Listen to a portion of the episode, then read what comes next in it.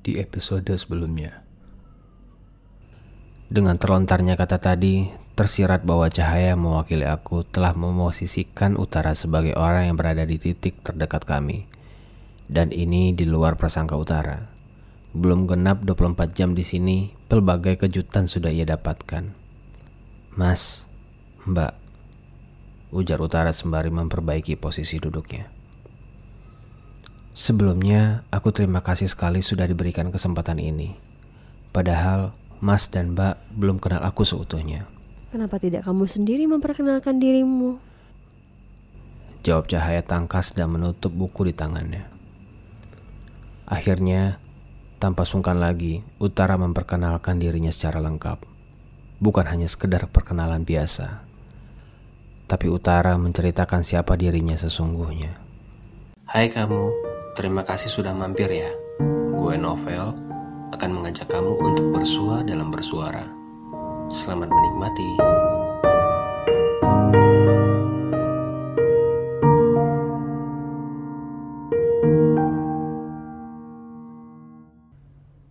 Namaku Utara. Utara Manggala dengan huruf T ganda. Terdengar sangat sekerta ya. Memang, Ayah yang memberiku nama ini sangat menyukai bahasa itu. Sebelum kuceritakan ayahku ini, ada baiknya kujabarkan terlebih dahulu tentang namaku. Mungkin kamu akan bertanya, kenapa pula harus kuceritakan tentang ayahku? Tenang, tidak akan banyak, karena kamu akan sama bosannya denganku. Baiklah, kita mulai saja. Kata utara diambil dari nama arah mata angin, sebuah arah mata angin yang paling utama. Aku tak begitu meyakininya. Tapi demikian yang disampaikan ayahku dan Mas Novel kala pertama kali kami bertemu. Ayahku berharap, kelak aku bisa menjadi penunjuk arah seperti sebagaimana mestinya. Dan lagi-lagi, aku tak yakin itu. Kata kedua adalah Manggala. Ada beberapa pengertian dari kata Manggala. Tapi yang pasti, ayahku mengambil dua arti dari kata Manggala, yaitu anak sulung dan pemimpin atau panglima. Tentu kalian akan paham dengan maksud dan tujuan ayah menamaiku ini. Kembali aku tak yakin dengan namaku sendiri. Bagaimana mungkin aku bisa menanggung beban nama ini? Menjadi seorang pemimpin dan penunjuk arah jika aku sendiri kehilangan arah. Tinggiku sekitar 185 cm. Dengan rambut panjang melewati bahu dengan dua anting besar di kedua daun telingaku. Di lengan kananku bagian dalam terdapat sebuah tato bergambar anak panah dan inisial U di ujungnya. Simbol ini kudapatkan dari seorang teman lama yang misterius bernama Dara. Kelak akan kuceritakan siapa dia. Banyak yang bilang mataku tajam. Sedikit sipit dan meruncing di ujung, berteduh di bawah alis tebal hitam legam. Garis geraham terpapar jelas dan tegas di rahangku berteman seutas bibir tipis yang acap kali tersenyum. Kebiasaan ini pun diajarkan sahabatku, Ray. Oke, cukup tentang diriku. Lalu bagaimana dengan ayahku yang sebelumnya sempat kusinggung? Ayahku adalah seorang tentara. Pangkatnya pun lumayan tinggi. Ia pun pernah menjadi salah seorang personil pasukan Garuda. Sikapnya tegas, walaupun sering kali ku bilang memaksakan kehendaknya. Dan ini yang tak kusuka. Sebagai anak pertama yang sekaligus laki-laki, ayah berharap, oh tidak, memaksaku untuk mengikuti jejaknya.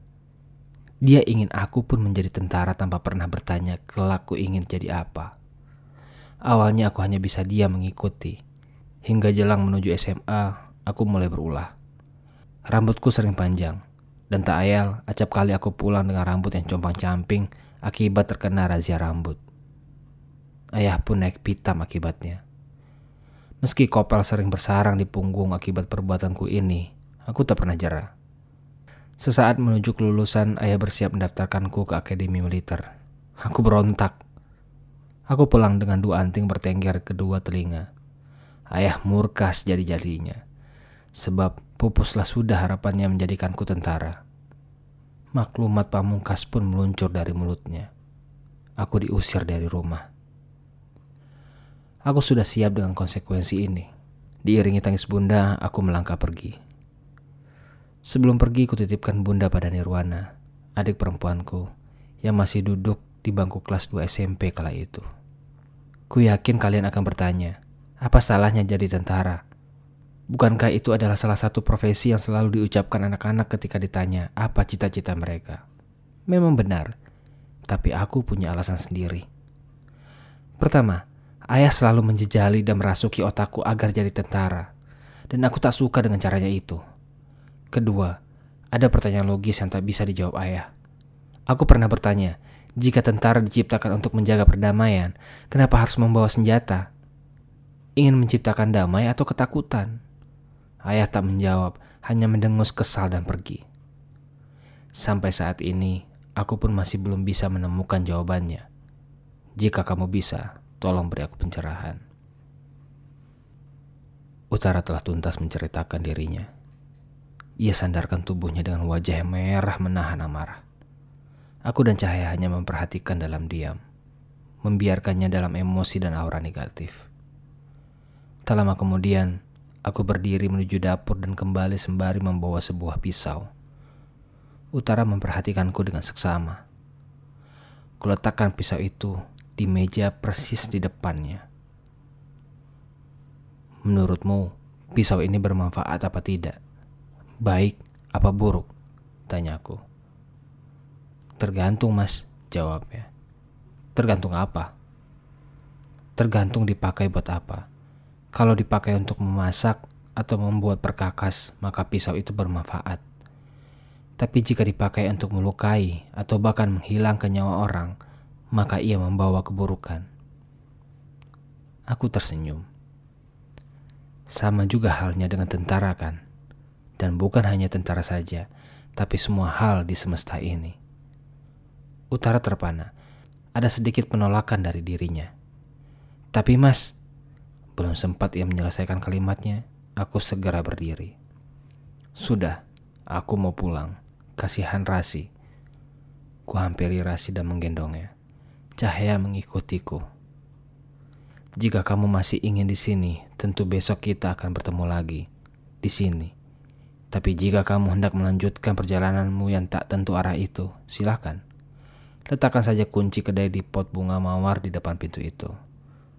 Aku dan Cahaya pun pulang, meninggalkan Utara dengan kemelutnya. Terima kasih sudah mendengarkan bersuara podcast ini. Jangan lupa untuk follow Instagram kami di underscore bersuara dan akun gue @novelizius. Sekarang untuk sesaat kita akan berpisah, namun kita akan segera bersua dalam episode bersuara selanjutnya. Sampai jumpa.